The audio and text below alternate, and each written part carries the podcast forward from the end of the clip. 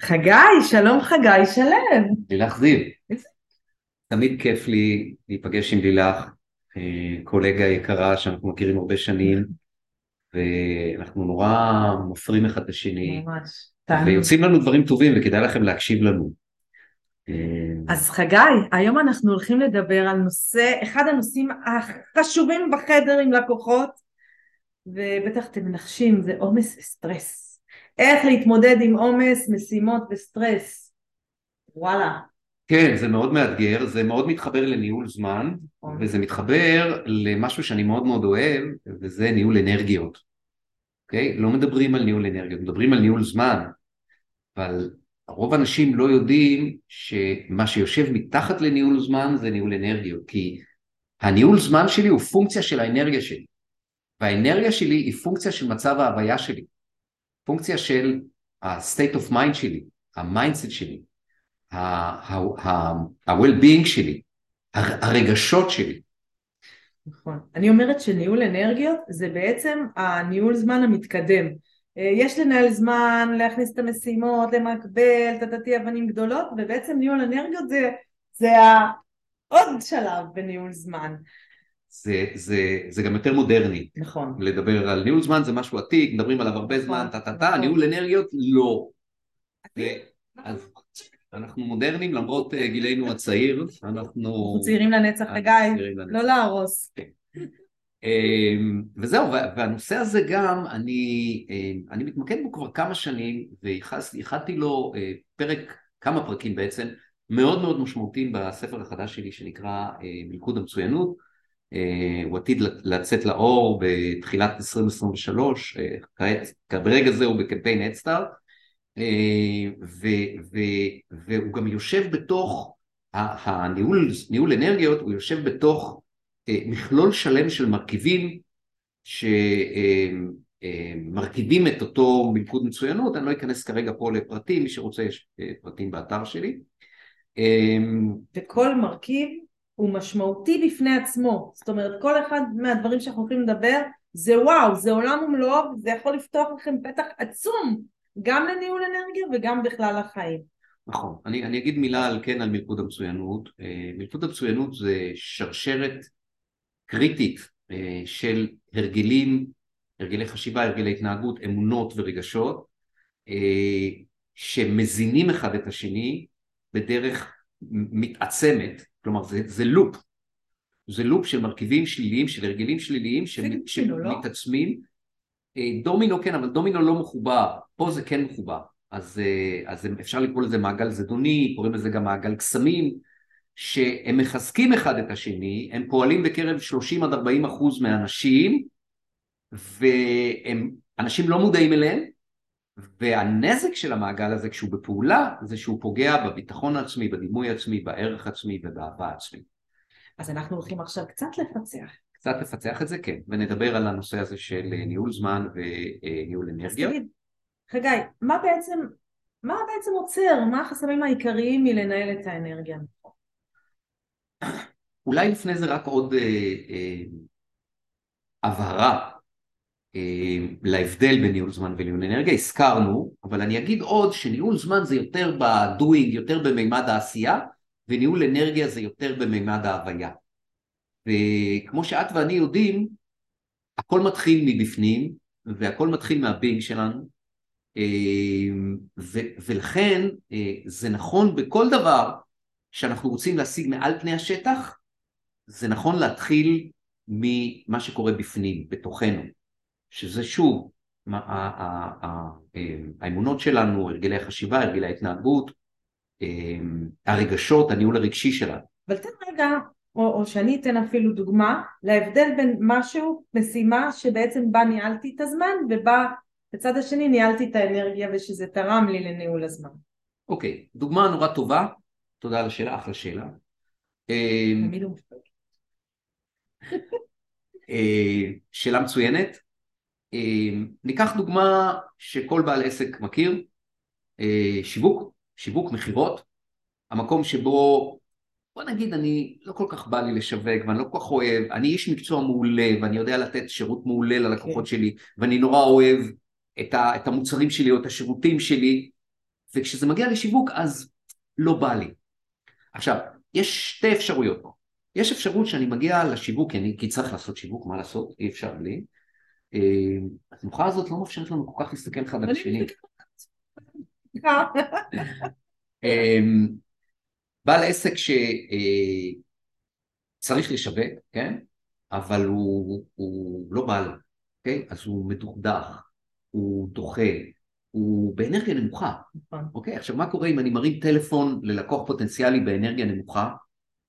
הלו, משה, אני רוצה לענות לפנייה שלך אליי, ואני אה, יכול כך וכך, וזה לא עובר מסך, אוקיי? אנחנו יודעים שב-NLP מדברים על זה שרק 7% ממה שאנחנו אומרים משפיע על בן הזוג השני, 93% זה האינטונציה שלנו ושפת הגוף שלנו, אוקיי? וגם בטלפון יש שפת גוף, אוקיי? כי, כי, כי שומעים שומע, הכל. שומעים אם אני, שומעים אם אני...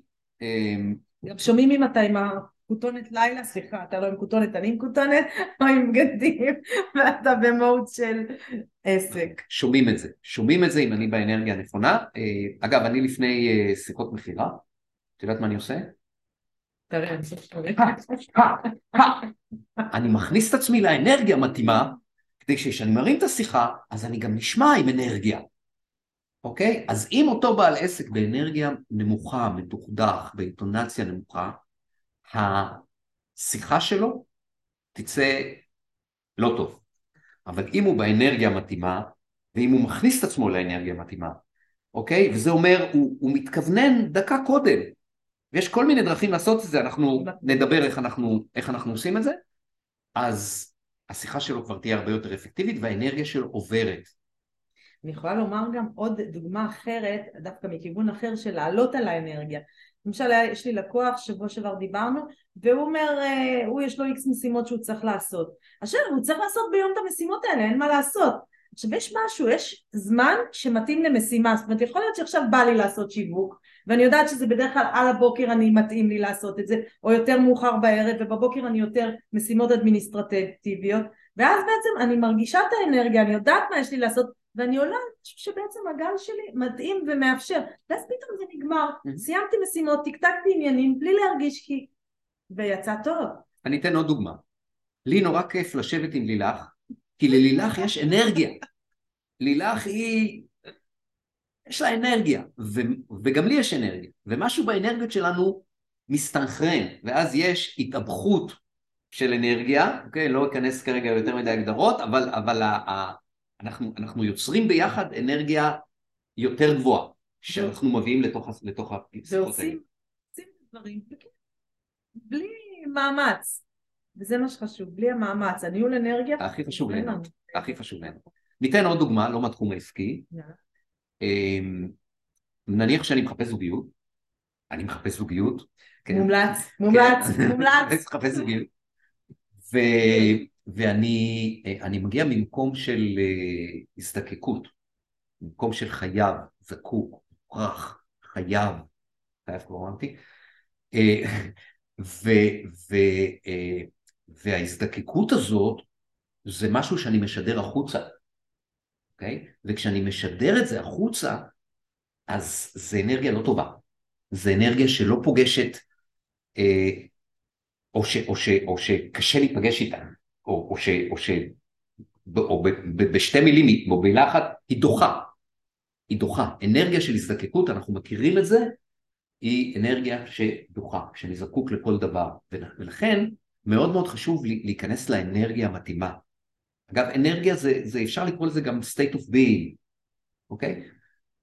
אני רוצה, אבל אני לא מוכרח ואני לא זקוק, וכשאני בא ממקום של רוצה, אז אני הרבה יותר משוחרר, אני הרבה יותר קליל, הדברים זורמים הרבה יותר טוב, ובפועל אה, התוצאות שלי גם, מהדוינג שלי, הן תוצאות הרבה יותר טובות. ואם אני, ואם אני רגע, עוד, עוד רגע אבוא ואלביש את זה בתור, בתוך מודל, אני קורא לזה מודל של פירמידת ההגשמה, ואני אומר שאנחנו כבני אדם חונכנו לדוינג, תעשה, תעבוד, תלמד, תתאמץ, והרבה אנשים הולכים ישר ל doing, לעשות, אבל שוכחים שאנחנו human being. ולכן אני בונה פירמידה, שבקצה שלה יש את ה doing כי הוא חשוב ובלי זה אנחנו לא נשיג תוצאות. אבל בבסיס שלה יש את ה being, וה being הוא זה שמאפשר ליצור doing מתאים. טוב, אני חושבת שאפשר לדבר על החסמים. מה עוצר. אותנו מניהול אנרגיה? מה קורה אוקיי. שם? למה... אוקיי, אז אה, דבר ראשון, פרפקציוניזם. או, או, אין לי את זה, אין לי את זה. לי אין את זה. אין אחד שהוא, קצת יש. שהוא פרפקציוניסט, כולנו חונכנו לחפיפניקיות. אה, הפרפקציוניזם גורם לאובדן אנרגיה, כי אנחנו משקיעים הרבה מאוד זמן בפרטים שוליים שהם לא חשובים, וכתוצאה מזה אנחנו לא מספיקים, אנחנו לא מגיעים לעיקר, אנחנו אה, לא מרוצים מעצמנו, המון ביקורת עצמית. ביקורת אבל עצמית, אני צריך עוד. קצת, אבל הפוסט לא מספיק מסודר, והדף מכירה לא מספיק מדויק. ו- והמטבח לא מספיק נקי, אז אני אנקה עוד ובסוף אנחנו תשושים. זה, זה גורם לנו לתשישות, וכן, היעדר אנרגיה היא גם תשישות פיזית, נכון. נכון, שאנחנו, שאנחנו עושים הרבה מאוד דברים שאנחנו לא אוהבים בדרך כלל, שאנחנו אוהבים הדברים שאנחנו עושים מכניסים לנו אנרגיה, כמו למשל הדיאלוג הזה פה בינינו, אבל כשאנחנו עושים דברים שאנחנו לא אוהבים ואנחנו, אה, אה, איך, איך להגיד, עושים מעל ומעבר כי ככה חונכנו, לא כי צריך, לא כי זה נכון, אלא כי ככה צריך כאילו, אבל במרכאות, אוקיי? לא אמיתי, כי ככה חונכנו, אז אה, אנחנו אה, אה, מאבדים אנרגיה. אז בעצם חגי, מה שאתה אומר זה שכל דבר שאתה קורא לזה מעל הקו או מתחת לקו, נכון. כל דבר בעצם שאני נמצאת מתחת לקו ברגשות שליליים, ברגשות של עייפות, התשה, אה, עצבות, קושי, פה פה פי פה פה פה, זה אומר שאני... כעס, כעס, קנאה, טינה, זה אומר שבעצם פגמתי באנרגיה שלי, ובשביל להיות בניהול אנרגיה תקין, אני, אני ככה יודעת בעצם, הנורה מהבהבת לי, אם אני מרגישה פתאום חוסר שמחה או עייפות או לא כיף לי, מהמם. אז אני יודעת שאני צריכה לעצור, לעלות מעל הקו כדי שתהיה לי אנרגיה. נכון מאוד, ואת מדברת על אה, ויסות רגשי. כבני אדם אנחנו יצורים רגשיים, ואנחנו כן, מק- מזיזה. מקבלים, מקבלים החלטות על סמך הרגשות שלנו, לטוב ולרע. למשל, החלטות קנייה של אנשים הן החלטות רגשיות. אנשים לא קונים כי הם צריכים את הבגד הזה, אלא כי וואו, איך אני אראה בו, אני אראה בו מדהים. ובסוף אנחנו לובשים אה, 20% מהבגדים 80% מהזמן, וחלק גדול מהבגדים בכלל לא, לא זה. אז, אז האנרגיה שלנו היא זאת שמנהלת אותנו, לטוב ולרע. וכאשר אה, אנחנו ברגשות שליליים, אז אה, זה משפיע עלינו, זה משפיע על הוויה שלנו, זה משפיע על הפוקוס שלנו, זה משפיע על ה-IQ שלנו. אני קראתי באיזשהו מקום שכשאנחנו ברגשות שליליים, אנחנו מאבדים אה, 13 נקודות ב-IQ. זה המון. טוב, יש לי יותר מדי עניות. וכל הנושא של אה, סטרס שהוא חלק מאוד מאוד אופייני בחיים שלנו, עוד מעט נדבר איך זה, איך זה משפיע עלינו גם ברמה הבריאותית. אז כל הדברים האלו הם דברים שפוגעים באנרגיה שלנו. את יודעת שגם אה, רגש, המילה רגש באנגלית, emotion, היא מורכבת מ-E, האות E, והמילה motion. motion זה תנועה. E זה הסימן הבינלאומי לאנרגיה. כלומר, רגש זה אנרגיה בתנועה. זה יכול להיות רגש חיובי שיוצר אנרגיה, וזה יכול להיות רגש שלילי שמוריד אנרגיה, שפוגע באנרגיה. ואז אין לנו כוח, ואז הולכים למיטה, ואז אנחנו לא מנהלים את הזמן נכון. והמשימות נתקעות לנו. ואני חושב שהסטרס הוא דבר נורא חשוב שמאוד אה, מאפיין את החיים המודרניים. ו- ו- ואני חושב שכדאי שנדבר עליו קצת, על סטרס. אמ, אולי הדבר הראשון זה להבין מה ההבדל בין סטרס, לחץ, לבין עומס. כי אנשים לא משתמשים במילה עומס, הם משתמשים במילה לחץ. עכשיו, עצם העובדה שאתה מזכיר את המילה לחץ, זה כבר יוצר לחץ. אבל הרבה פעמים משתמשים במילה לחץ ומתכוונים לעומס. במקום להגיד אני עמוס, אז אומרים אני לחוץ. המוח שלנו עובד בצורה כזאת שכשאני אומר לעצמי אני לחוץ, הוא שומע לחוץ, אז הוא מבחינתו הוא כמו טייפ, הוא לחוץ אז סבבה, אז אני עכשיו משדר לך לחץ, אז אני עכשיו אגרום לך ללחץ, אוקיי? ולכן אנחנו חייבים מאוד מאוד לשקול את המילים שאנחנו מדברים, אני לא ממליץ להגיד אני לחוץ, אני ממליץ להגיד אני עמוס, כי עומס זה אובייקטיבי, יש אנשים שהם בעומס והם עובדים יותר טוב בעומס, ולחץ זה סובייקטיבי, הוא תמיד מתפרש בצורה שלילית.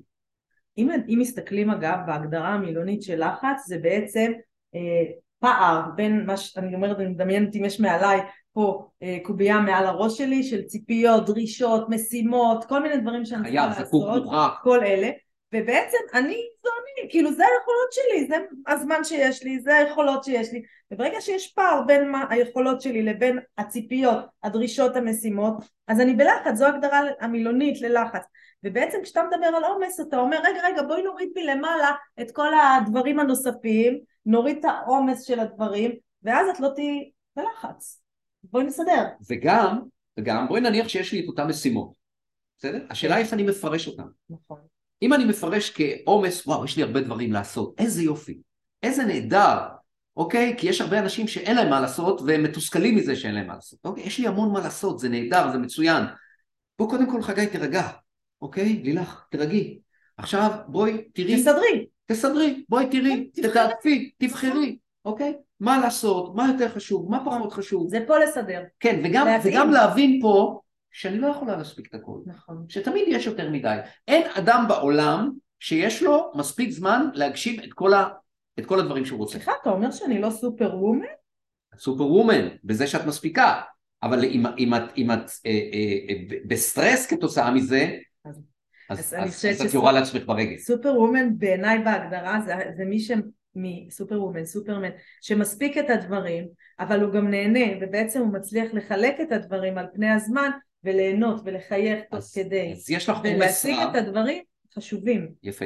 אז יש לך עומס רב, אוקיי? אבל האנרגיה שלך היא אנרגיה טובה, את מפרשת את העומס הזה בצורה של אוקיי, אני אעשה, לא חייבת מה שאני אספיק, אני אספיק, הכל בסדר, את שבעת רצון מעצמך, מההספק שלך, גם אם את רוצה יותר, וזה מה שבעצם יוצר לך אנרגיה טובה. אבל אני מכניסה קודם את הדברים העיקריים שמקדמים אותי למטרה. זאת אומרת, אני לא סתם מספיקה, לא סתם רצה על המשימות, יאללה, מה שייכנס ייכנס. אני יודעת מה חשוב לי בעסק לקדם קודם, מה חשוב לי בבית, מה חשוב לי עם הבריאות, עם הילדים. אני שמה קודם כל את הדברים החשובים. אפשר לשתף במשהו אישי? מומלץ. אני בא היום ללילך פה, ואני אומר לה, לילך, יאללה, אנחנו צריכים לתקתק. היא אומרת לי, לא חגי, אני רוצה שנדבר. אני רוצה שנדבר, אנחנו קולגות, אנחנו מבינים אחד את השני, אנחנו... נכון. אנחנו יכולים לעזור אחד לשני, וככה אה, מצאנו את עצמנו שעה מדברים. נורא על דברים שמטרידים אותי, על דברים שמטרידים אותה. ולילך, את, את פשוט, את פשוט באת אליי היום. אני באתי עם איזשהו משהו מסוים, ואז את תעדפת, תעדפת את מה שאנחנו עושים פה לכיוון של אה, שיחה אישית. וזה, וזה נהדר, זה מקסים, כי זה בדיוק הפוך לנטייה האוטומטית שלך ושלי, של doing, doing, doing, doing, doing. שנינו נהנינו ושנינו קיבלנו אנרגיה טובה מזה. ונעזרנו זה בזו. יאללה. אז, אה, אז זה לגבי ההבדל בין עומס ללחץ. מה עוד? מה עוד עוצר? אז, אז אני רוצה רגע לדבר על משהו שהוא מאוד כואב להרבה מאוד אנשים. אני רוצה לדבר על מגיפה שנקראת אה, מחלות כרוניות. כן. סרטן, אלצהיימר, פרקינסון, לב, טרשת נפוצה. ויש גם מחלות כרוניות שהן לא כאלה נוראיות אבל מפריעות כמו כל מיני מחלות, זה, לא צר, זה מפריעות לאורח החיים, לא צריך קטסטרופות. אוקיי, okay, עכשיו מה ההגדרה של מחלה כרונית? זו מחלה חשוכת מרפא, שאין לה מרפא. עכשיו, בעוד שכל העולם כולו, כל עולם הביוטכנולוגיה, משקיע ביליונים על ביליונים על ביליונים במציאת תרופות למחלות האלו, וזה, וזה טוב וזה חשוב ואין לי שום דבר נגד זה, שוכחים שלמחלות האלו יש מקור. והיום יש יותר ויותר הבנה שהמקור, גם בעולם הרפואי אגב, שהמקור של המחלות האלו הוא מקור רגשי, הוא מקור מנטלי, הוא מקור אנרגטי, יש אפילו אה, תחום ברפואה שנקרא Energy Medicine, אוקיי? זה, זה דברים שמאוד מאוד מעניינים אותי, כי אני נאלצתי להיפרד מאנשים יקרים בחיים שלי בגלל אה, סרטן, ו... ויכולתי לראות, יכולתי לראות למה הסרטן הזה נגמר, נגרם. הגיע בכלל. למה הוא הגיע, יכולתי לראות את זה. וראיתי את הגורמים הנפשיים, המנטליים. דבר על הסרטן שלי. מה? הייתי באובר לחץ, אה, לימודי ראיית חשבון מטורפים, סטאז', הייתי בת 24, והלחץ הנפשי, לא נהניתי מהלימודים, הלחץ הנפשי, אני חייבת לגמור את זה, אני חייבת לעמוד בזה, אני חייבת, לא נהניתי שום דקה ביום, רק ברגע שנכנסתי למיטה והתחבקתי עם uh, חבר שלי, שאחר כך היה בעלי, התגרשנו, ובאמת בסופו של דבר כשחליתי הייתי בת 24 ואז עשיתי איזשהו למה זה קרה לי הבנתי שזה היה מהרבה הרבה לחץ נפשי וציפיות והישגיות מטורפת שבאמת לא התאימה לבפנים שלי. זה היה בעצם הטריגר לשינוי שעשית גם עזבת את המקצוע נכון. והתפתחת בהיבטים הרוחניים והמאמנת שאת וכל הדברים. לקח לי זמן אחרי שהחלמתי חזרתי לעבוד במשרד רואי חשבון, מה, ירקתי דם אה, חמש שנים בחדרים אפורים עם מספרים ולאט לאט הבנתי שזה לא מה שנכון לי ובעצם זה הביא אותי לעזוב וללמוד קואוצ'ינג ו... ואני מלווה מאז אנשים. והנה הסרטן לא חזר, טפו טפו. כן, כבר הרבה שנים אחרי. הרבה שנים אחרי. וזה השאיר לי נורה מהבהבת מאוד גבוהה ומודעות מאוד גבוהה, שכשאני בסטרס או שלא טוב לי, שאני מתחת לקו, שאני במצוקה, או עייפה מדי, או לא שמחה, יש לי נורה שאומרת לי, לילך, את בלחץ, את לא על הערוץ שלך, תחזרי, תחזרי, ואני חוזרת. יש פה משהו מאוד מאוד ברור בחיים שלי ש... ששם אותי במקום הנכון. ו... וכל אחד יכול לקחת מזה. חברים, להיות במקום של מתחת לקו, להיות ברגשות שליליים, וזה לא שאין להם לגיטימציה. ואני לא אומר, אני לא, כאילו, אנחנו אנשים רגשיים ואנחנו, יש לנו רגשות שליליים. השאלה היא לא אם יש לי רגשות שליליים, כי לכולנו יש. השאלה היא מה אני עושה כשהם עולים ואיך אני מטפל בהם, ואיך אני מחפש את המקור שלהם, להבין ממה הם נובעים, כי לכל סימפטום יש מקור, לכל סיבה, לכל תוצאה יש סיבה. עכשיו זה מדהים שבעולם הרפואה הולכים ומטפלים בסימפטומים ולא מטפלים במקור הרגשי המנטלי.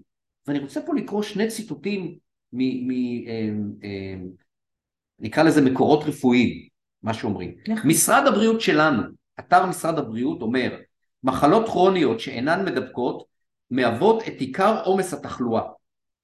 הנכות והתמותה בישראל, כמו במדינות מערביות אחרות, סליחה, לא קראתי נכון. סליחה, מחלות כרוניות שאינן מדבקות מהוות את עיקר עומס התחלואה. הנכות והתמותה בישראל כמו במדינות מערביות אחרות. זה דבר ראשון, עובדה. כלומר, אנשים מתים ממחלות כרוניות, זה גורם התמותה העיקרי. עכשיו, הם אומרים עוד, שבע מתוך עשר סיבות המוות המובילות בישראל היו מחלות כרוניות, מהן שתיים, מחלת לב וסרטן גרמו ל-42% מכלל הפטירות באותה שנה, ומדובר על 2011. אני בטוח שהסטטיסטיקה היום, אין, אין סטטיסטיקה אה, אה, מודרנית יותר, אבל אני בטוח שהיא... היא, עלתה. היא, בדיוק, עלתה. גורמי הסיכון עדיין באתר משרד הבריאות. גורמי הסיכון העיקריים למחלות כרוניות כוללים יתר לחץ דם, רמות שומנים גבוהות בדם, השמנה, חוסר פעילות גופנית, עישון והרגלי תזונה לקויים. והיום מבינים שמה שגורם לכל הדברים האלו זה סטרס. מקום שאנחנו בסטרס זה גורם לנו לכל אותם הרגלים שבסופו של דבר גורמים למחלות כרוניות. תקשיב חגי, לחצת אותי עכשיו, ועכשיו תן לי מיד משהו שירגיע אותי. אני רק רוצה עוד קודם, עוד קודם, המרכז לבקרת תחלואה בארצות הברית, עכשיו זה בארצות הברית, קבע ש-80% מהמחלות הכרוניות, כולל סרטן, נובעות מסטרס. שימו לב, זה, זה on the face, אז קודם כל לא ללחץ, קודם כל זה טוב שאנחנו מבינים את זה, וטוב שאנחנו יודעים את זה, וטוב שאנחנו... אה, חווים את זה יום יום. חווים את זה. אין אחד שלא חווה לך. כן, זה, זה כן, טבעי. אבל לא טוב שאנחנו חווים, טוב שאנחנו יודעים ממה זה נגרם כדי שנוכל למנוע את זה. אבל כל אחד חווה את זה, ואז השאלה בעצם איך אנחנו מתנהלים מול לחץ שאנחנו חווים. יפה. זה העניין. אז תכף אנחנו נגיע לזה, כי איך אנחנו, איך אנחנו ננהל ננהל את האנרגיה שלנו נכון, אבל לפני זה היינו, היינו בשאלה אה, מהם הגורמים ההווייתיים העיקריים לניהול אנרגיה לקוי, כלומר איפה בהוויה שלנו אנחנו אה, מתנהלים או תופסים או, או, או או אה, הרגלים או, או חשיבה או רגשות שגורמים לניהול אנרגיה לקוי. ודבר נוסף מאוד מאוד חשוב זה אמונות מקבילות. אמונות מקבילות זה בעצם הבסיס לכל מלכוד המצוינות, משם מתחיל כל אותו מלכוד מצוינות וכולנו חווים אותם, יש לנו אותם, קיבלנו אותם בעיקר בילדות והיכולת לזהות ולטפל, לסלק, לא, לא בדיוק לסלק, אי אפשר לסלק, אבל אפשר להכות, להחליש אמונות מקבילות, להכיר. זה דבר אה, מאוד מאוד חשוב. אני תמיד אומרת שהאמונות האלה זה כמו אה, מחשב, התיקיות הצהובות במחשב. הרי אנחנו, מה זה, זה חיברו לנו מקלדת למוח, ומגיל אפס כתבו לנו כל מיני דברים. נכון. אתה רואה את הבן אדם ההוא? ככה צריך להתנהל. אתה רואה איזה? ככה נראה. יש לנו בעצם על לחץ תיקייה, על זוגיות תיקייה, על אה, מה זה שיווק תיקייה, והכל כתוב שם. אבל מה, זה נכתב, לא יודעת באיזה גיל. מי אמר שזה מתאים להיום? והרבה פעמים האמונות האלה הן מעכבות, הן לא מאפשרות לנו להתקדם, ובשביל לתקן, ואיך אנחנו יודעים שהן מגבילות? כי אנחנו נעצרים בחיים, אה, אנחנו רוצים משהו וזה לא עובד, אז אוקיי, זה אומר שיש לי שמה איזושהי אמונה או איזושהי תפיסה שעוצרת אותי, ואז אני צריכה לעצור ולשאול רגע רגע מה יש בתיקייה, בקובץ וורד, בקובץ שכתוב על, ואז הולכים, בודקים, אה, איך בודקים? דימוי נהדר, כן. אחלה דימוי. ואז צריך לשנות, לעדכן, לעשות אפדייט, כמו שעושים לטלפון, לעדכן את האמונה, שהיא תתאים לי להיום. לעדכן את מערכת ההפעלה. כן. וכשהיינו ילדים, לא היינו במקום שאנחנו יכולים להחליט שלא, את זה אנחנו לא מקבלים. כאילו, הכל נכנס, לא יכולנו להתנגד לזה, אוקיי? כי היינו ילדים ולא הבנו בדיוק איך זה עובד, ואם ההורים שלנו אמרו לנו את מה שאמרו לנו, אז ההורים שלנו כנראה צודקים, שאנחנו לא בסדר, או לא מספיק טובים, או, או, או כל מיני דברים. אז זה הנושא של אה, אה, אמונות מקבילות. מה שעוד משפיע על הניהול האנרגיה שלנו זה אה, מה שקוראים בשפה המקצועית מיקוד שליטה חיצוני. המקום שבו אני קורבן של הנסיבות, המקום שבו כל מה שקורה מסביבי אה, מסובב אותי, מסובב אותי, משפיע עליי, אה, ואין לי, לי את, ה, אה, את האחריות העצמית, את הביטחון העצמי, את ההבנה שאני יוצר את המציאות שלי ושיש לי יכולת להתמודד עם כל הנסיבות האלה. זאת אומרת שאם אני אומר אה, בגללו הוא לא מאפשר לי, אה, בעלי לא נותן, הילדה לא זה, אני לא יכולה לעשות ספורט כי אה, שמה אני, יש לי הרבה עבודה וכן הלאה, כל פעם שאני מאשימה מישהו אחר או מדברת כי בגלל משהו חיצוני זה מיקוד שליטה חיצוני. נכון.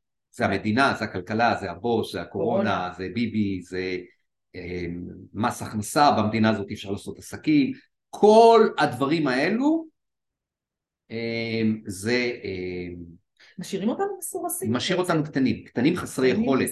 ובעצם ההפך זה אפרופו סטיבן קובי שאומר אה, להיות פרואקטיבי. נכון. לקחת אחריות. והשאלה היא מה אני יכול לעשות, איך אני יכול לעשות, מה יאפשר לי את זה עכשיו, איזה פעולה, אז פתאום אני יכול להיכנס לעשייה והדברים חוזרים אליי לידיים. מאוד. והדבר האחרון זה אותם אה, קונפליקטים שיש לנו ביחסים, זה מוציא לנו אנרגיה, מריבות, כשאנחנו מתמקדים על השלילי, כשיש בסביבה שלנו אנשים זוללי אנרגיה, לא כמו לילך שנותנת לי אנרגיה, אלא יש אנשים ש... כאילו יש ביטוי כזה, אנשים זוללי שואבי אנרגיה. נכון. Energy suckers קוראים לזה באנגלית, וסאקרס יש לזה עוד משמעות באנגלית. אז uh, uh, מאוד מאוד חשוב להבין שהמערכות היחסים שלנו, איך אנחנו מתנהלים בהן וכמה אנחנו שומרים שם על, ה, על החיוביות אפשר לקרוא לזה, אה, כמה אנחנו נמנעים מלריב על, אה, על שטויות ולהתווכח על שטויות וכולי, זה משהו שמאוד מאוד משליך על האנרגיה שלנו. אה, יש ביטוי יפה שאומר energy flows where attention goes.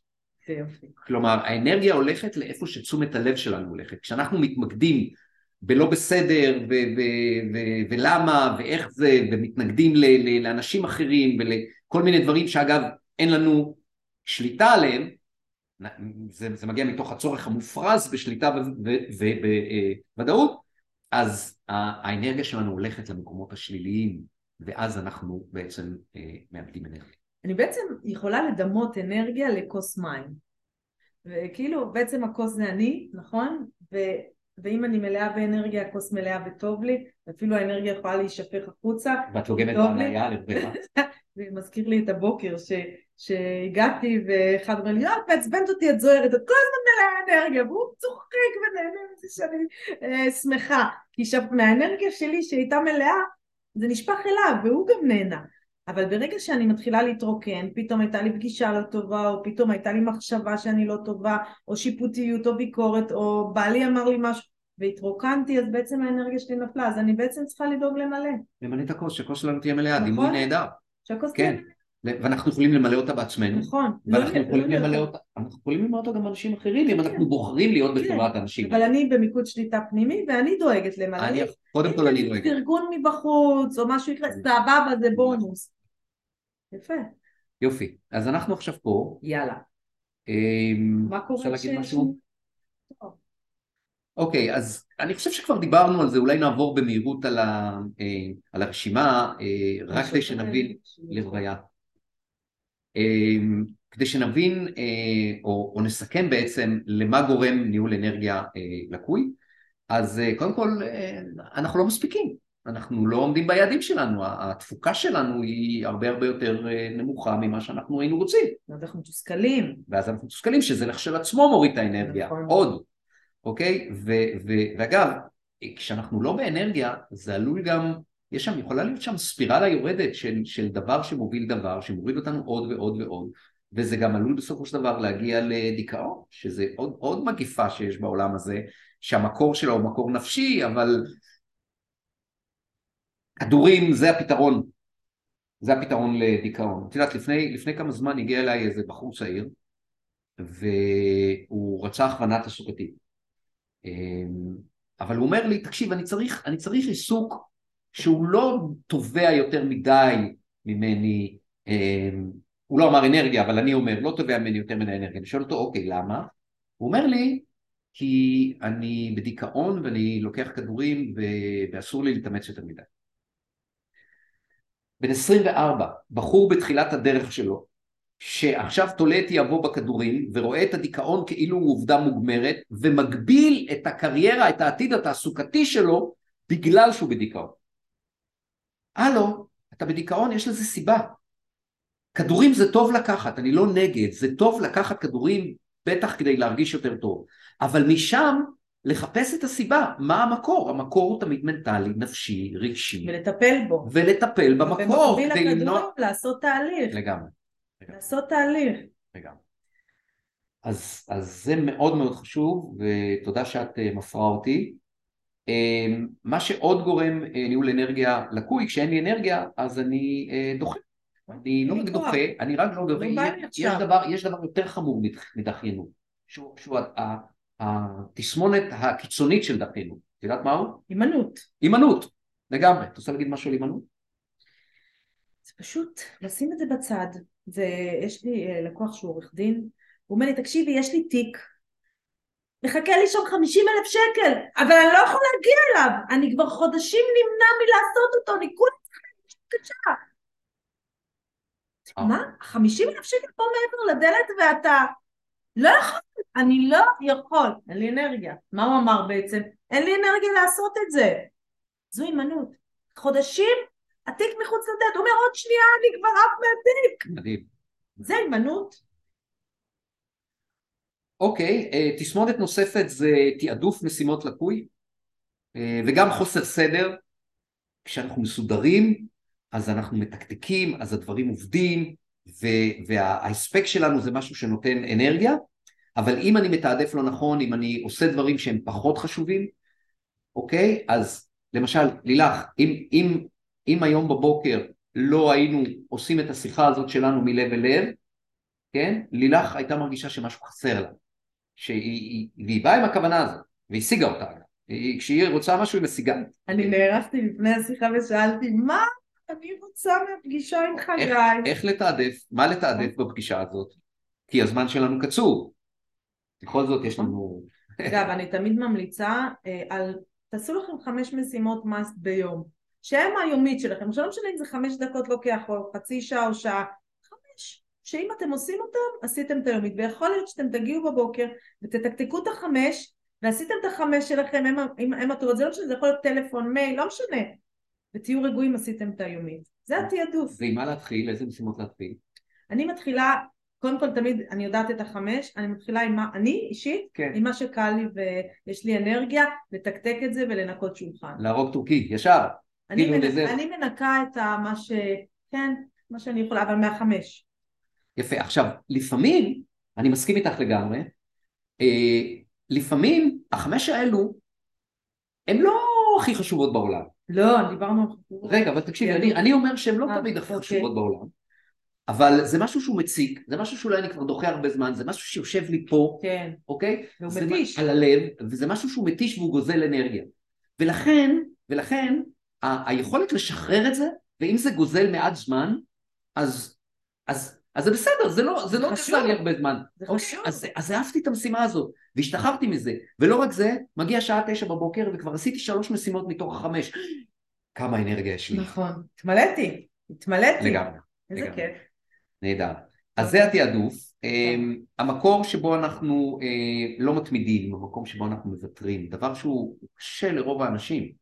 קשה לנו להתמיד. יש לפעמים דברים שאנחנו, מה שאנחנו אוהבים קל לנו להתמיד, אבל מה שאנחנו פחות אוהבים קשה לנו להתמיד. אם תגיד לי לאכול כל היום חסה, אני לא אתמיד בזה כי זה קשה לי.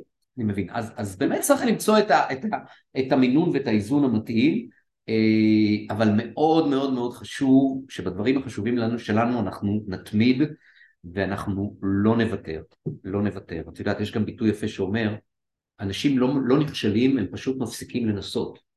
כלומר, היכולת להתמיד היא כל כך חשובה, ש... אה, שאתה אתה לא חייב להיות הכי מוכשר, אבל אם אתה תתמיד ואתה לא תוותר, ואתה, אתה, אז, אז, אז תצליח להשיג דברים גם אם אתה, גם אם אתה לא הכי מוכשר. יש שיטות לזה, כאילו להגיד אה, תתמיד זה אולי קצת קשה, אבל יש שיטות לחבר את זה קודם כל ללמה זה חשוב לי, לביג למה שלך, כי ברגע שאתה אה, חושב על מה יצא לך או למה, למה זה חשוב לך, אנחנו עושים את זה.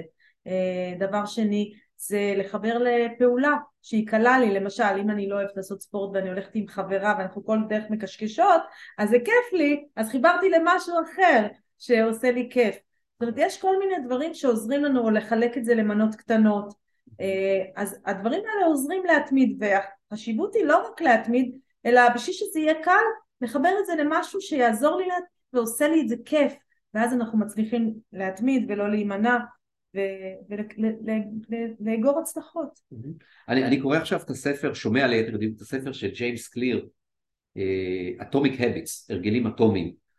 ו, אה, ואחד הדברים שהוא אומר שם, והוא שם על זה דגש מאוד חזק, ואנחנו מכירים את זה, ואת הזכרת את זה, אני רק רוצה להדגיש, זה צעדים קטנים. זה לא, החיים שלנו זה לא הכל או לא כלום. החיים שלנו, כל הדברים הכי מורכבים בחיים, הם בנויים מהרבה מאוד צעדים קטנים, אוקיי? ואני כתבתי ספרים, ואת כותבת עכשיו ספר, ו- ואנחנו מכירים את זה, זה נבנה מיום ליום, משעה לשעה. עשית עכשיו, דיברת על הספר שלי, לפניי. אני לא דיברתי עליו ואתה כבר הוצאת אותו לאור. יפה. לא הכרזת עליו? לא. וואו, אז הנה יש לנו פה הכרזה ראשונה, כדאי לך להכריז על זה. למה כדאי לך להכריז על זה? נו. למה? נו, למה? כי זה צעד. ראשון בלהוציא את זה. נכון. אני, אני, אני, אני כאילו ביום שהתחלתי לכתוב את הספר הכרזתי על זה, זה היה באוגוסט 2020, אגב, והוא יצא לאור בפ- בפברואר או במרץ 2023, שנתיים וחצי אחרי. טוב, אז אני הולכת לסגור עם עורכת, חגי. היום. הנה, היא כבר התקשרה. נהדר. אז זה מורכב מהרבה מאוד צעדים קטנים, ואנחנו כבני אדם אנחנו אנשים של הכל או לא כלום, וזו טעות קריטית. קחו משימות גדולות ומעייפות, אפרופו אנרגיה, ומאתגרות וקשות, ואני לא יודע איך תכנו אותן, אבל הן חשובות לכם, והם, אתם, אתם רוצים להגשים אותן, ותחלקו אותם לצעדים קטנים, תקבעו לעצמכם פגישות עם עצמכם ביומן, ו... ו... תעמדו בזה. תעמדו בזה, וזה מאוד מאוד שווה, כי זה בונה אנרגיה, זה בונה הצלחה. קיבלתי מסר אה, ללקוחה אגב, שאפרופו עסק ויש לה כבר את החלום והיא רואה את העסק איך הוא נראה ו- ו- והיא כולה מתרגשת אבל יש פער בעצם בין המקום הסופי לבין היום.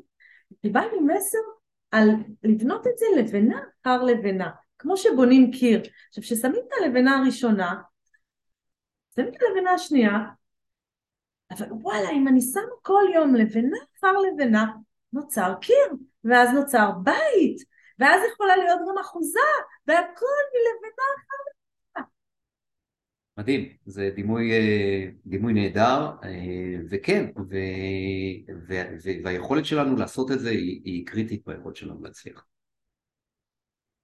זה מאוד משחרר, אני יכולה להגיד עליי שאני אה, full gas, full gas, פו, אבא שלי תמיד אומר שה drive שלי יותר גדול מהכוחות שיש לי בגוף, אפרופו כל המחלות שהיו לי, וזה נכון, והשחרור הזה למשימות קטנות, לחלקים קטנים, ולא הכל צריך להיות ביום אחד, הוא הרבה פעמים עוזר לי, אבל הדרייב עדיין לא טוב. יאללה, אז... עכשיו החלק שהכי מרגש אותי. והוא? איך אנחנו עושים את זה?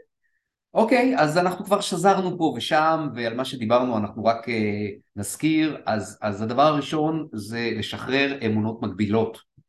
בעיקר אמונות מגבילות שיש לנו סביב ההצלחה, אני לא מספיק טוב, אני לא בסדר, אין לי סיכוי להצליח, אני כישלון, וכל מיני דברים כאלו שזה מאוד מאוד שכיח, ואני חושב ש... לפחות לחצי מה, מהאנשים יש את האמונות האלו בצורה כזאת או אחרת, כי כולנו קיבלנו פחות או יותר את אותו חינוך. אה, לואיז היי אומרת שזה אפילו מגיע לאזור של 80-90 אחוז מהאנשים. אני, אני מסכימה עם לואיז היי, אני רואה את זה, זה כל הזמן. זה מאוד מאוד דומיננטי, זה מאוד מאוד. Uh, בספר שלי מלכוד המצוינות, משם אני מתחיל איך לשחרר את האמונות המקבילות. האמונות המקבילות האלו יוצרות את השרשרת של הרגלים לא טובים, שיוצרת את המלכוד. ובעצם אני נותן כלים גם איך לשחרר מאמונות מקבילות, פירוט עוד נוסף של מה שאנחנו אה, מדברים פה, וגם כל אחד מהמרכיבים הבאים שנבנה, הם נבנים אחד על השני, אני, לא, אני, אני מלמד איך לפוגג אותם, איך להחליש אותם. אז, אז זה אמונות אה, מקבילות. יש משהו שדילגנו עליו בגורמים לאנרגיה נמוכה וזה ריצוי. ריצוי. אז אה, ריצוי זה משהו שאנחנו מחנ... ש... אה, שמחנכים אותנו אליו, תהיה ילד טוב, תיתן לאח שלך, תיתן, אל תשמור הכל לעצמך, למה מי אתה חושב שאתה? שיאהבו מיני... אותך, תתנהג יפה. כן, כן, זאת אומרת כשאנחנו מרצים את ההורים שלנו אנחנו זוכים לגמול, אז, מלמד, אז אה, מלמדים אותנו לרצות, ו, ולכן גם הרגל ריצוי הוא הרגל שהוא מאוד מאוד שכיח והוא הרגל מרוקן. את יודעת מה ההבדל בין ריצוי לנתינה? ריצוי, נתינה זה בעצם אני נותן מעל הקו. מכל הלב. מכל הלב. נכון. וריצוי אני בעצם נותן, מצפה לקבל וגם נכון. אה, זה לא ממה, כאילו, אני נותנת, איך אני, זה מחליש אותי. זה נכון, מחליש אותי. נכון, כי, כי, כי אני לא ממש רוצה לתת, כי אני נותן על מנת לקבל תמורה. או שאני... ואני מתחשבן על זה גם. אוקיי? אז, אז כשאני לא נותן מכל הלב אני מרצה, וכשאני מרצה זה באמת מתחת לקו, זה ברגשות שליליים, וזה אה, אגב, יכול להיות שאני לא מצפה לקבל, למשל אני תמיד נותנת דוגמה, שאני מכינה ארוחה למשפחה המורחבת, ואז אני יכולה לעשות איקס מנות, וזה סבבה, זה נהדר, כאילו, מה הבעיה? אבל אז אני מתחילה לעשות יותר מנות ולסדר את השולחן יותר יפה וללכת לקנות עוד דברים ואני עומדת עוד שעות במטבח, למה? כי אני צריכה שזה יהיה יפה. אז את מראה את הקשר שבין פרפקציוניזם לריצוי. נכון. כי את פרפקציוניסטית ולכן זה גורם לך גם לריצוי. ואת מצטערת על זה אחר כך. ואז אני מתעייפת, אני מותשת, ואז בא בעלי. אין אנרגיה. שאתם יודעים איך הוא, איך הוא מארח? הכל חד פעמי, הכל מהר, מבשל בשעתיים וסגר עניין. ואני מסתכלת בצד, שנייה שנייה, הוא השיג את המטרה, הוא אירח את המשפחה, הוא עשה הכל, אבל ככה ועם חיוך, הכל סבבה. אז איזה, איזה בחירה את עושה מפה לפעם הבאה שאת... לא, לא, אני כבר בחרתי. בחרת כבר. אני כבר שיניתי. תודה לאל. אוקיי. נהדר. אז על מנת שנוכל להיות באנרגיה, אנחנו חייבים... המאמן שלו יצא, ראיתם איך המאמן שלו יצא? זה בילד חגי. ברור. אז אנחנו רוצים לוותר על הפרפקציוניזם, שהבנו שהוא תוקע, וגם על הריצוי. אגב, שניהם מרכיבים חשובים במלכוד המצוינות, הם באים אחרי האמונות המקבילות. אמ, דבר נוסף זה לנהל את הרגשות שלנו לטריטוריות חיוביות, מה שאני קורא לו להיות מעל הקו. אמ, ואנחנו לא ניכנס פה, אבל בפודקאסט שלי יש אה, אה, פרק נפרד שאני מדבר על איך לנהל את הרגשות שלנו, קוראים לזה גם לפתח אינטליגנציה רגשית, מי שמכיר יש את מודל אפרת שאני מאוד מאוד אוהב אותו ויש גם עליו גם פוסטים וסרטונים באתר שלי, אז זה לגבי ניהול, ניהול הרגשות. רוצה להגיד משהו לגבי זה? אוקיי, נהדר. בואי נלך רגע ליהדות, בסדר? היהדות מדברת על, המטרה שלנו פה של בני אדם זה למשוך אור מהבורא. אוקיי? ככל שאנחנו נמשוך יותר אור מהבורא, ככה אנחנו נתמלא בכל אה, דבר טוב, אוקיי? שיאפשר לנו לממש, להגשים את עצמנו, לעשות את התיקון שלנו וכולי וכולי. עכשיו, מה זה אור? אור זה פוטונים. תסתכלו על הגדרה של אור, הגדרה כימית או פיזיקלית של אור, זה פוטונים. מה זה פוטונים? פוטונים זה אנרגיה. אוקיי? זאת אומרת שגם לפי היהדות, על מנת שאנחנו נוכל להגשים את, את רצוננו פה, לעשות את התיקון שלנו, להתפתח, לצמוח, לעשות טוב בעולם, אנחנו צריכים יותר אנרגיה. אני יכול לקבל אותו מהבורא, אני יכול לקבל אותו, באמת הכל זה הבורא, אז גם אם אני מקבל את זה ממך זה גם אה, אה, בעקיפין משם. אה, וזה אומר, ואם נלך רגע לממדים טיפה, טיפה רוחניים, אה, גם ביהדות אומרים שכל אחד מאיתנו, בני אדם, אנחנו חלקיק אלוה ממעל. יש לנו בכל אחד מאיתנו חלקיק אלוהי. אז החלקיק האלוהי הזה הוא החלקיק שיש בו את האור, שיש בו את האנרגיה, וככל שנתחבר לחלקיק הזה, אז אנחנו אה, נוכל בעצם להיות עם יותר אנרגיה. להתחבר לחלקיק הזה זה להבין, אני אגיד את זה אחרת, זה לצאת מהאגו. זה לצאת מהחלק הנמוך שלנו, הלא יכול, שקשה לו, הלא מסוגל, שמתנגד, שמקטר, שמתלונן, שמאשים, שכועס, אוקיי? אם אנחנו נלמד לצאת מזה, להבין שבכל אחד מאיתנו אנחנו לא מקשה אחת, יש לנו חלקיק אלוהי, אני קורא לזה אני הגבוה, אז uh, בעצם אנחנו נוכל לקבל אנרגיה ויהיה לנו הרבה יותר אנרגיה בתפקוד השוטף שלנו. אז בוא, בוא, בוא ניתן עוד דברים, תכלס, איך אנחנו מנהלים את האנרגיה נכון. בוא נדבר על היום-יום.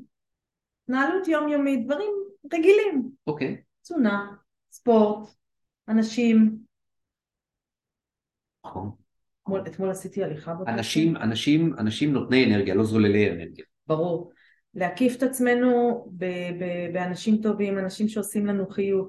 את שבוע שעבר היה לנו מפגש עם חברות, ו- והיה לי שבוע נורא נורא מלא בדברים. Mm-hmm. שאלתי את עצמי, שנייה, כשאני אלך למפגש, אני אתמלא או אתרוקן? והתשובה שעניתי זה שאני אתרוקן. אז ביטלתי. ביטלתי. והעדפתי לעשות משהו אחר.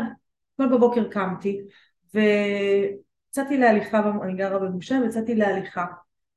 כלב עצלן שלי, אבל הוא בסדר, הוא עשה שני סיבובים, זה היה מצוין. חזרנו עם מלא אנרגיה. מלא, מלא. עכשיו גם בספורט זה לבחור את הספורט שממלא אותי ולא מרוקן אותי. נכון. גם, גם באוכל, לתת את התזונה שאני נהנה ממנה, ולתת תזונה, יש הרבה אנשים שלא אוכלים. לגמרי, לגמרי.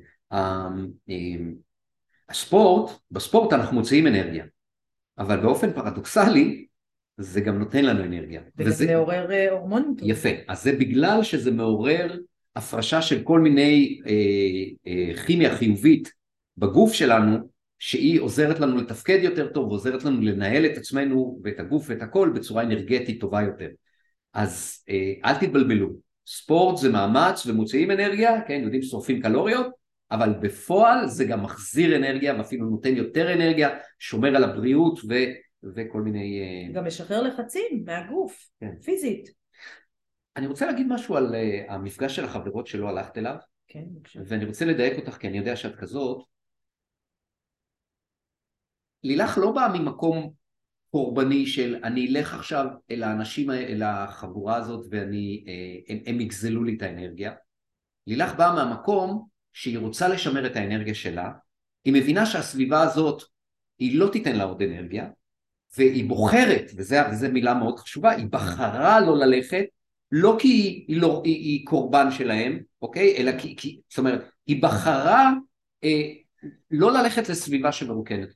וזה, רגע, וזה אני אלך פעם הבאה, אבל בתעדוף של העומסים שהייתי באותו, כל המשימות והדברים שעשיתי, ועשיתי את התעדוף הנכון, וואלה.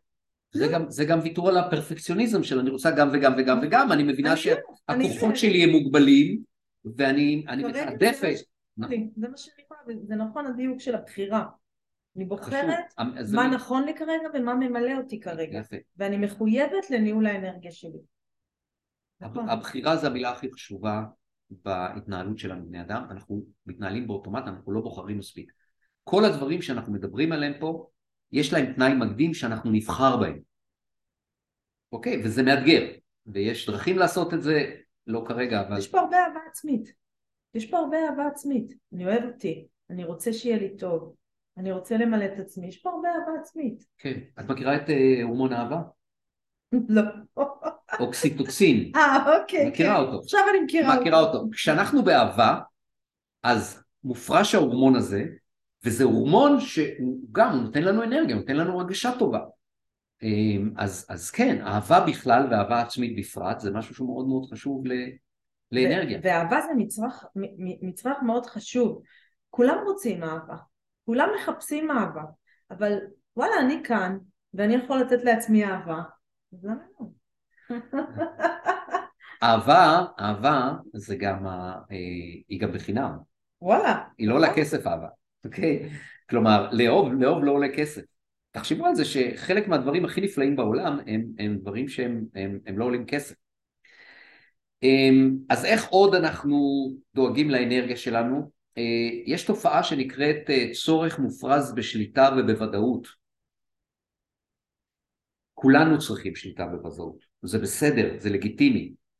כשהצורך הוא מופרז, אז אנחנו, זה מכניס אותנו לחייבים, למוכרחים, זה גורם לנו להתנגד לכל מיני דברים שאנחנו לא יכולים לשנות אותם, וזה אה, מוציא לנו אנרגיה. לכולנו יש התנגדות אוטומטית.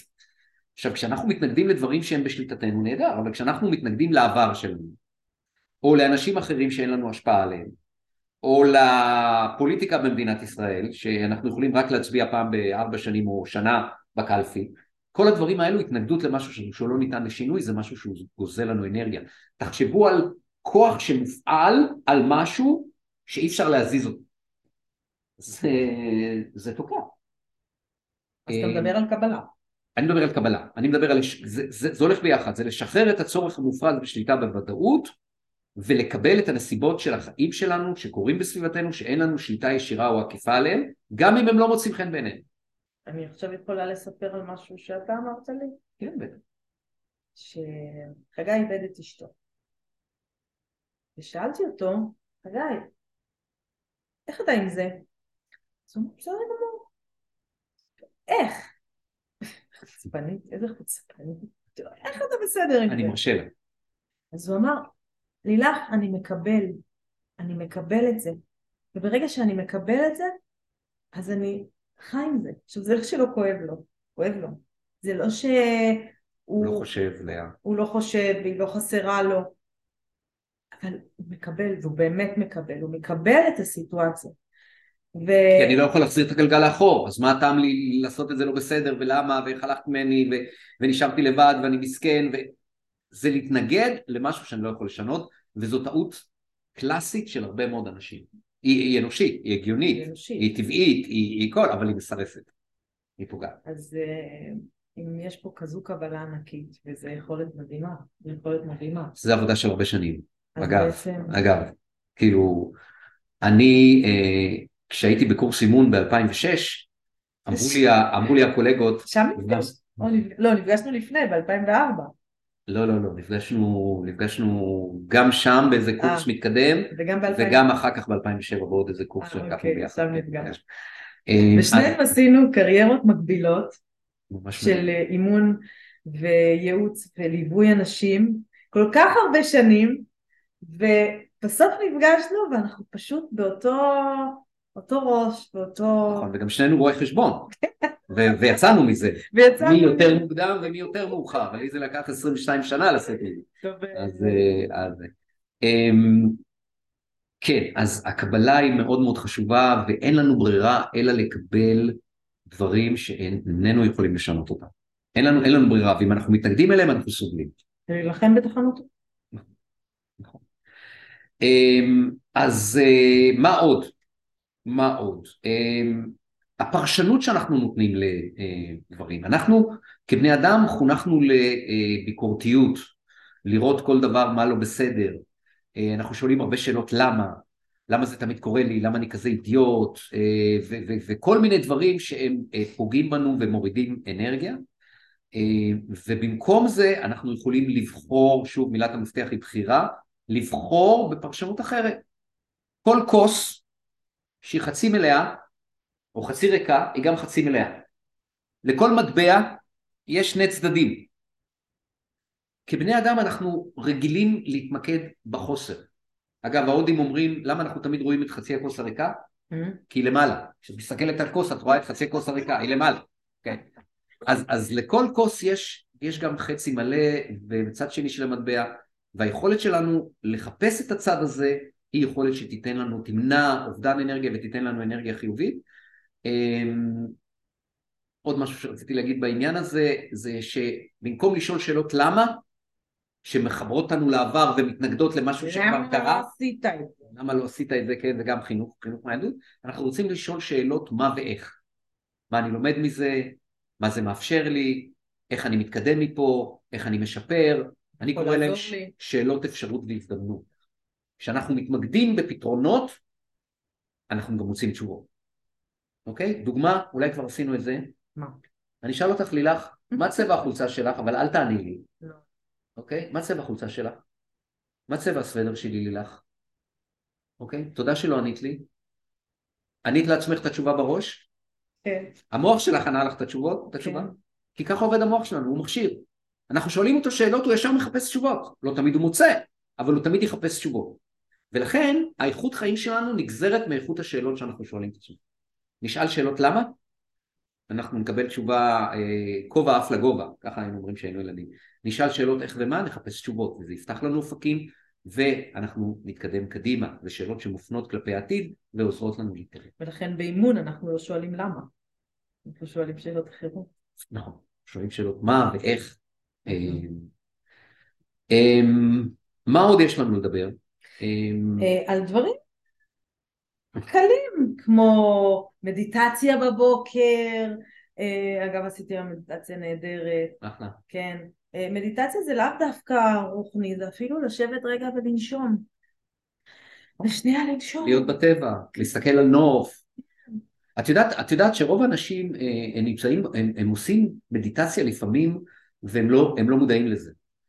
את יודעת, כשלמשל, למשל כשאני רואה בחורה יפה, הלב שלי נעצר, אוקיי, אוקיי, לא כל היום, אבל עכשיו כן, אה, אז הלב שלי נעצר, ואני עכשיו ברגע הזה, זה, זה, כאילו מדיטציה זה בעצם לחזור לרגע הזה, וזה גם היום מיינדפולנס uh, uh, וכל הדברים, מדברים הרבה מאוד על הרגע הזה, או כשאנחנו uh, פתאום רואים איזה נוף יפה, ואנחנו לרגע נעצרים, אנחנו בדיוק באותו הרגע בתמונה של הנוף הזה, ואנחנו ככה, ליבנו מתרחב, זאת אומרת שצריך בעצם, אה, מה שיכול לעזור לניהול אנרגיה זה להיות נוכח יותר. אם אני אוכלת, לאכול וליהנות נכון. רגע. אם אני עכשיו יושבת, כאילו להיות רגע עם עצמי ולהיות נכון. נוכחת ממה שקורה לי עכשיו. וגם טבע. טבע, יש מחקרים, קראתי בדיוק בסופה של זה, אה, דוקטור אה, דיוויד המילטון, יש לו פוסט על זה, שטבע אה, זה משהו שהוא, אני לא זוכר בדיוק מה ההשפעה הישירה, אבל הוא משהו חיובי שעוזר לאנשים. נדמה לי שהוא עוזר לצאת מסטרס, אם אני זוכר נכון, זה, זה זה. כשאנחנו בת, בטבע, זה משהו שהוא מרגיע אותנו, משהו שהוא משחרר אותנו. אז כן, להיות בטבע, ואנחנו... כולנו אוהבים את זה אינטואיטיבית, ללכת לים, להיות בחוץ כשפתאום... אבל אנחנו לא עושים את זה מספיק. לא עושים את זה מספיק. את יודעת, אה, אחת הסיבות שאני רץ, זה כי זה טוב לבריאות, אמ, זה, אה, אני עושה את זה בטבע, או בפארק הירקון או, בשפת הים. אני גם שומע בריצה...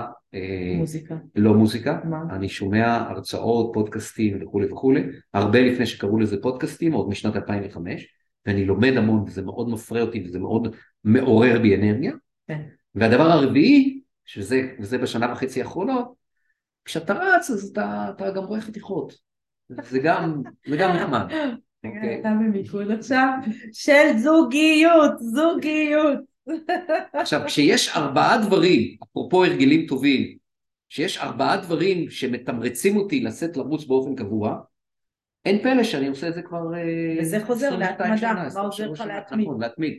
נכון, אתה, אתה בונה לעצמך דברים, אה, אה, ג'יימס קליר קורא לזה habit stacking, שאתה עורם הרגלים אחד על השני ואתה מחבר ביניהם ואתה יוצר אה, אה, סיבות למה לעשות, על, על הרגל אחד אתה מלביש עוד כל מיני דברים, זה יוצר לך את המוטיבציה הדרושה ל, יפה. להתמדה. אז uh, אני רוצה להוסיף דבר אחד לניהול אנרגיה, Mm-hmm. זה בעצם החיזוק החיובי. זאת אומרת, החיזוק החיובי לעצמי.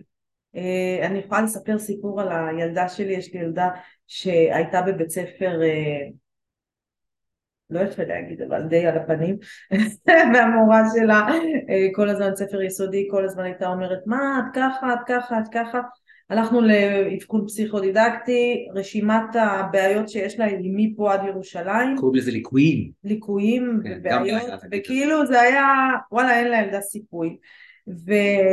ובבית, מאחר ואני קורצ'רית והחשיבה שלי היא מאוד מאוד חיובית לחיים ולאנשים, אה, תמיד ראיתי בה את הדברים הטובים, וכל דבר שהיא עשתה אמרתי לה, יואו תראי איך את יצירתית, עשיתי פתיתים, היא אמרה יואו אני רוצה להמציא משהו שהפתיתים לא יידבקו, אמרתי יואו תראי איך את ציונית, או כל דבר היא הייתה ממציאת שיטות והיא כזו חיובית ויש לה יכולת להתחבר לאנשים ויש לה יכולת כאילו תמיד לעשות שמח ובעצם ראיתי רק את החיובי שבה וכל הזמן סימנתי לה את הדברים החיוביים.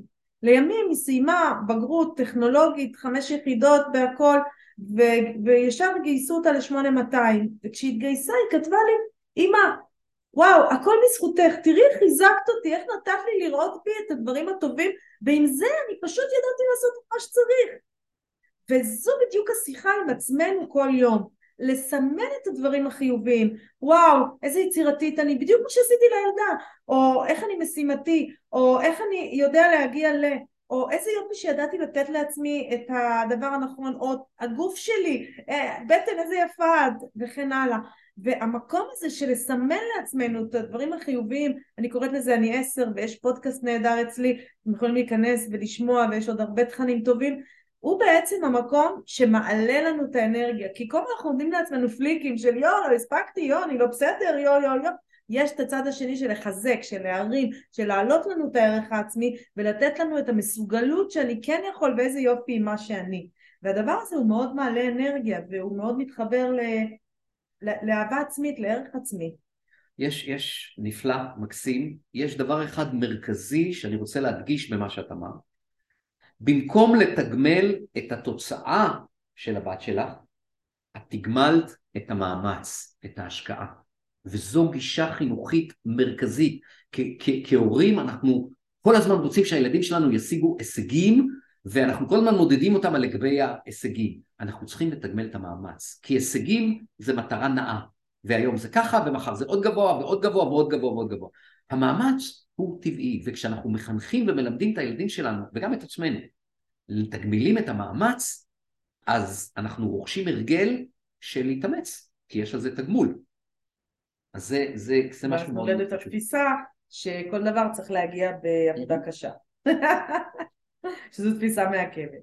כן. אז חגי, אתה, זהו, מוציא את הספר. איפה אפשר בכלל להשיג אותו? איך אפשר להתחבר אליו? אה, וואו, אוקיי, אז, אה, אז קודם כל, מי שרוצה עוד עליי, חגי שלג בגוגל, מגיע לאתר שלי, באתר שלי יש פרטים על, על הספר שלי, הספרים שלי, ספר שכבר יצא, שנקרא להתרגל להצליח, והספר שהולך לצאת, שנקרא מלכוד המצוינות. Uh, הספר הזה יהיה זמין לרכישה באתר שלי, אני מאמין שגם בחנויות. Uh, זה באזור uh, פברואר, אני אהיה רגע זהיר, מרץ 2023, uh, ומי שרוצה כבר לרכוש אותו בהנחה, אז כרגע הוא בקמפיין אדסטארט, uh, ושם אני מציע אותו בהנחה מאוד מאוד גדולה, ויש גם בונוסים מדליקים, מי שאוהב את כל העולמות האלו ואוהב את הפודקאסטים האלו, יכול למצוא שם הרבה מאוד uh, ערך, אז uh, שוב, מהאתר שלי אפשר להגיע לכל, ה, לכל הדברים, או את הקישור ב Headstart חגי שלו, אז גם, אז גם תגיד. יפה. זה מרגש ברמות, לילך. אני אומר שזה הכי קרוב ללידה שיכול להיות לגבר, ותסלח לי, תסלח לי, תצהירים, אה? אנשים, אנשים שתסלח לי, כי לא ילדתי אז אני, יכול להיות שזה, שזה הרבה הרבה יותר מאתגר, אבל, אבל כן, זה, זה מרגש ברמות, ואני גם מתייחס לזה כמו baby. וההיריון שלו הוא ארוך מאוד. שנתיים, לא? שנת... יותר משנתיים כבר. כמה הריונות? כן, אבל זה נפלא, זה, זה הגשמה, זה מימוש עצמי. עוד משהו שמאוד מאוד חשוב לאנרגיה זה להיות מחובר לחזון, לייעוד, למה שאנחנו אוהבים לעשות. הביג למה. לא להזניח את התחביבים שלנו, כן, את קוראת לזה הביג למה. אה, כן, זה גם משהו שמאוד מאוד חשוב למקום הזה של אה, אנרגיה. אז אה, אנחנו נשמח אם אהבתם את הפודקאסט הזה, תסמנו לנו לייק, משהו חיובי, תירשמו לערוצים. תעבירו, תשתפו. תעבירו, תשתפו, כי המטרה של שנינו זה להשפיע ולהביא טוב לעולם ולעזור לאנשים לשפר הרגלים, ושהחיים שלכם יהיו טובים יותר והעסקים שלכם יהיו טובים יותר. אתם יכולים ליצור עם שנינו קשר אה, כדי לשפר את העסק או את החיים שלכם. קריירה, ולהתקדם. בקריירה. קריירה, ולהתקדם הלאה. אה, אז אנחנו כאן באהבה, אה, ומקווים שנהנתם. זהו, אני, המטרה שלנו הייתה להסביר היום מה זה ניהול אנרגיה ואיך לרכוש אנרגיה טובה יותר, ואני מאוד מקווה שנתנו לכם אנרגיה, ומפה יאללה, רוצו לעשות את מה שאתם אה, אני גם רוצים לעשות. אני גם רצה חגי. תודה חגי. להתראות, תודה לך לילה.